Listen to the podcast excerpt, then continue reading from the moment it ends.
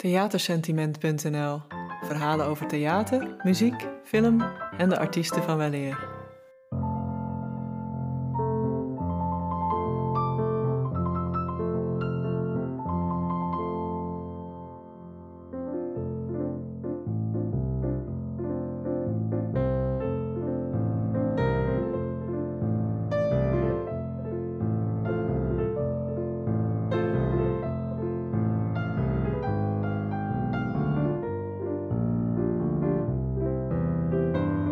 Als de fotograaf hem kiekt, trekt de jonge vent een vriendelijke grijns.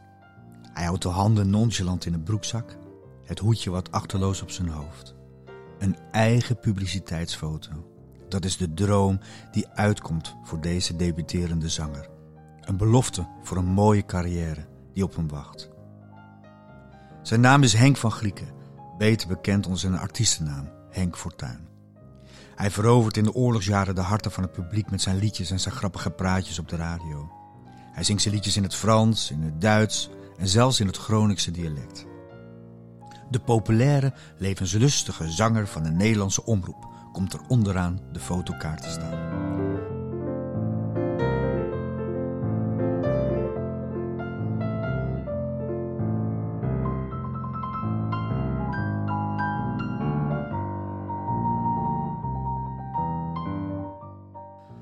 Dit begint voor Henk allemaal in 1942 met een oproep in de krant. In de jaren van de bezetting is de behoefte aan amusement groot. En de Nederlandse omroep zoekt jonge artiesten om zich aan te melden voor een kleinkunstcursus. Met als doel, en ik citeer, het tekort aan goede microfoonkunstenaars in het amusementgenre aan te vullen. Zo lezen we in een klein berichtje in de kranten. De Nederlandse omroep bestaat net een jaar en heeft een einde gemaakt aan het verzuilde bestel met al zijn omroepen. Het is een onderdeel van de nazificatie van Nederland, zoals het heet. De omroep wordt geleid door een fanatieke NSB'er die ervoor zorgt dat de radio volledig in de pas meeloopt met de bezetter. En dat geldt natuurlijk ook voor de goede microfoonkunstenaars die gezocht worden. Een middel om nieuw talent van nul af aan klaar te stomen voor de nationaal-socialistische samenleving. Het past allemaal in de grote zuivering die op dat moment gaande is. De jodenvervolgingen zijn in volle gang en de orkesten en gezelschappen hebben volgzame Joodse medespelers ontslagen. Amerikaanse songs en jazz zijn verboden. Er geldt zelfs een dansverbod. En op de radio klinken vooral volksliedjes en romantische orkestklanken. De show must go on. Er moeten immers monden gevoed worden. Dus de artiesten volgen gedwee de maatregelen. Een groot deel van hen in ieder geval. Maar de jonge Henk van Grieken uit Groningen houdt zich met dit soort zaken helemaal niet bezig. Hij heeft een droom. Hij is een verwoed amateurcabaretier die al sinds zijn kinderjaren optreedt, maar vooral lokaal en op familiefeestjes. En voor hem betekent deze oproep een lang verwachte kans om in Hilversum te geraken. De Groningen schrijft zich in als Henk Fortuin. Niet zomaar een artiestennaam, maar de achternaam van het pleeggezin waarin hij opgroeit. En zijn sollicitatiebrief belandt tussen de vele duizenden aanmeldingen die kort na de oproep bezorgd worden in de Hilversumse studio. Kennelijk weet hij zijn enthousiasme goed over te brengen, want Henk wordt uitgekozen om auditie te doen. Ondanks zijn lange ervaring in het amateurcabaret betreedt hij de studio met knikkende knieën. Dit is andere koek. Hij wordt voor een echte microfoon geplaatst en moet enkele stukken proza voorlezen in het Nederlands, in het Duits, in het Frans en het Engels en de leden van de toelatingscommissie beluisteren de auditie in een ander vertrek. Ze zitten achter een lange tafel en via een luidspreker horen ze hoe de kandidaten de radio overkomen. Aansluitend mag Henk een liedje zingen, maar omdat de pianist verstek laat gaan, mag hij het zonder begeleiding proberen. Hij kiest voor Isola Bella van de Berlijnse componist Paul Linke. En blijkbaar doet hij heel erg zijn best dan krijgt het verzoek van de commissie om een paar meter afstand te nemen van de microfoon. En daarna is het klaar en gaat Henk met de trein terug naar Groningen. Met een bonzend hart vol verwachting. Im lago maggiore, Insel der Schönheit, nichts kommt dir gleich. Lieder der Liebe, ertönen im Chore, nahet die Barke die steinen Bereich.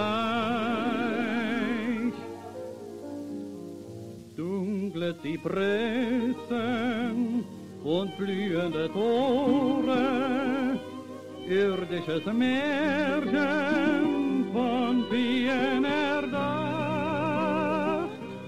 Isola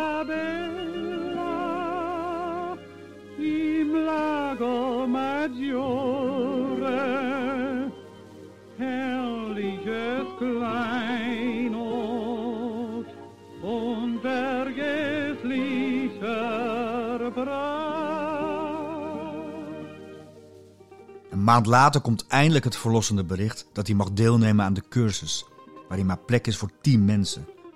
Hij is een van de uitverkoringen. Henk ziet zijn droom in vervulling gaan, pakt zijn koffer en maakt opnieuw de reis naar Hilversum. De zomer van 1942 staat op uitbarsten en het is alsof zijn leven nu pas echt begint.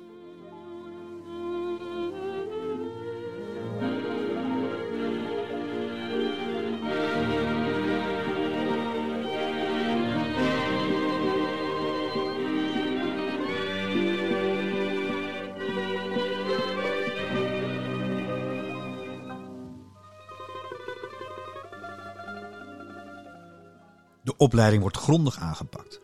De uitverkorenen krijgen niet alleen spreek- en zanglessen, maar worden ook onderwezen in de bouw van neus, keel en mondholte. En daarnaast is er veel aandacht voor literatuur en de geschiedenis van de kleinkunst. Uiteraard volledig aangepast naar de inzichten van de huidige autoriteiten. Tijdens zijn opleiding wordt Henk geïnterviewd door het tijdschrift Cinema en Theater, een bekend tijdschrift in die jaren. Hij blikt dan opgetogen terug over de kansen die hij heeft gekregen. En hij zegt: Voorheen was kleinkunst een beetje het stiefkind waar het om opleiding gaat. Gelukkig wordt de achterstand met deze nieuwe opleiding teniet gedaan, zegt hij wijs. Want eist kunst met een kleine k niet een even gedegen ontwikkeling als haar zuster met de grote k? De jonge artiest is zeer te spreken over de begeleiding die hij krijgt. En hij zegt: Onze lessen zelf zeggen genoeg over de zorg waarmee de omroep de cursus heeft opgezet. We krijgen zelfs onderricht in het technische gedeelte van het microfoonwerk en de werking van de radioapparatuur. Maar we beginnen stevast met ademgymnastiek. Dat is een probaat middel om je adem goed te kunnen gebruiken. En je wordt er fit van. Elke morgen 20 minuten en dan durf je de hele wereld aan. Al dus Henk Fortuyn. Wat Henk niet meldt is dat deze eerste kleinkunstopleiding van Nederland wel degelijk een propagandistisch karakter heeft. Er is veel aandacht voor de Duitse taal en cultuur. Zo worden de cursisten in juli 1942 ontvangen in de tuinzaal van het concertgebouw. De baas van de Nederlandse omroep spreekt de hoop uit dat de cursus de leerlingen nader tot de Duitse cultuur zal brengen. Waarna de leraar Duits, de heer Roekner, enkele films inleidt over het Duitse landschap.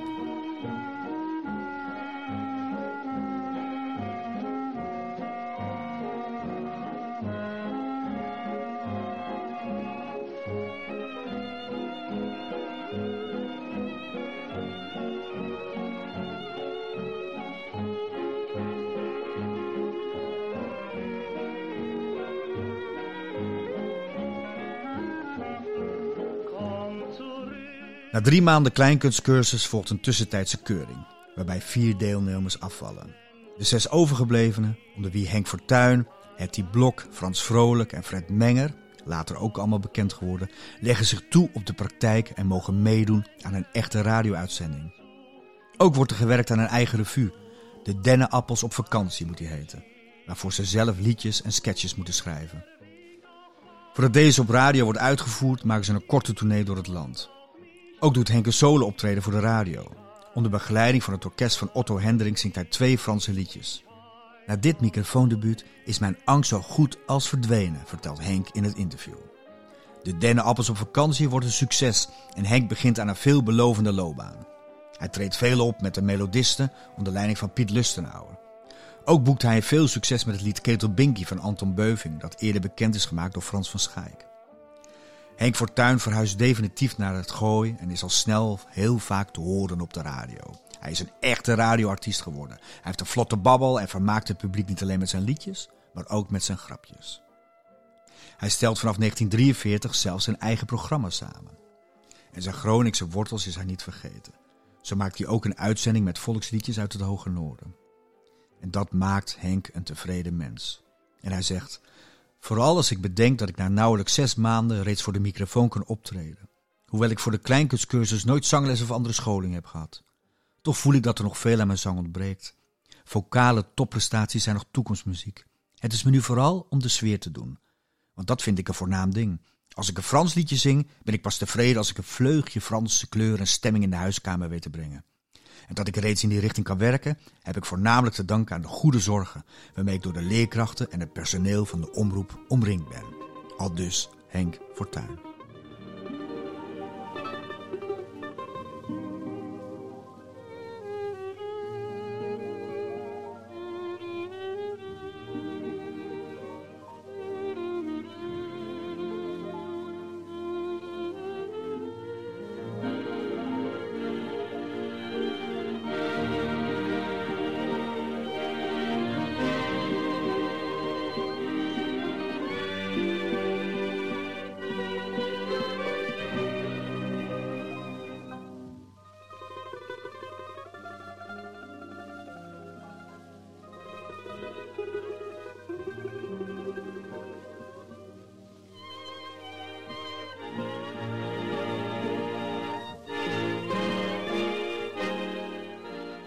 Toch is de loopbaan van Henk Fortuyn van korte duur en wordt ook hij door de oorlog ingehaald.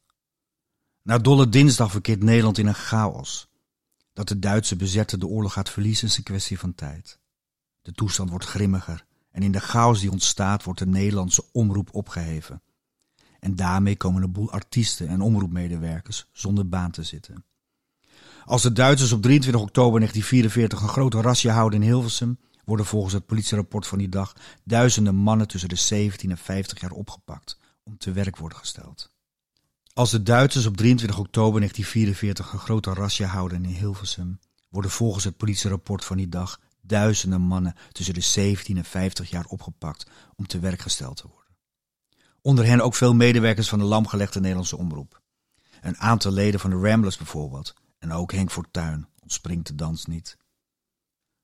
De voormalige baas van de Nederlandse omroep heeft geprobeerd om voor zijn voormalige medewerkers vrijstellingen te regelen.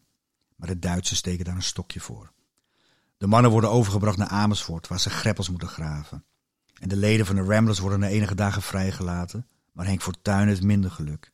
Met een groot aantal Hilversummers arriveert hij in november 1944 in het Duitse Bramsche. En daar wordt hij te werk gesteld om spoorlijnen aan te leggen. Hij komt terecht in het nabijgelegen kamp, en daar treedt hij nog een paar keer op, maar de situatie is er slecht. Het is hard werken, vooral voor de artiesten die het lichamelijke werk niet gewend zijn. En er is weinig voedsel. Er is maar één kraan en er zijn geen toiletten. De bewakers lopen er met knuppels en Henk Fortuyn lijdt onder de zware omstandigheden. Dat herinneren zijn kampgenoten zich later. En dan zijn er ook nog de zware en voortdurende luchtaanvallen door de geallieerden op en rond de spoorlijnen en het kamp. In februari 45 overleeft Henk een zoveelste aanval niet. Zijn levenloze lichaam wordt begraven in een massagraf, ver weg in Duitse grond. En daarmee is het gedaan met de carrière van zanger en conferencier Henk Fortuyn, die zo veelbelovend leek.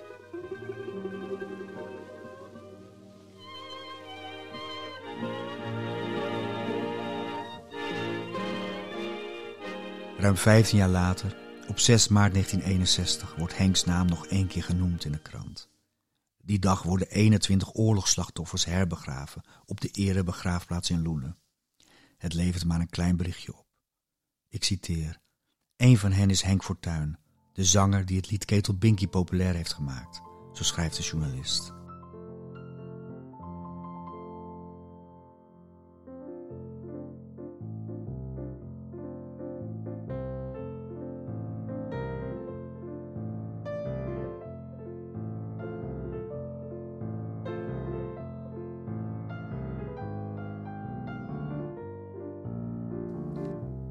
Hiermee eindigt het verhaal van Henk Fortuyn. En voor zover ik weet zijn er geen plaatopnamen bewaard gebleven. En de muziek die we in deze podcast gebruiken is van andere artiesten. Wil je dit verhaal nalezen of wil je andere verhalen lezen van de artiesten van Weleer? Kijk dan op onze website theatersentiment.nl.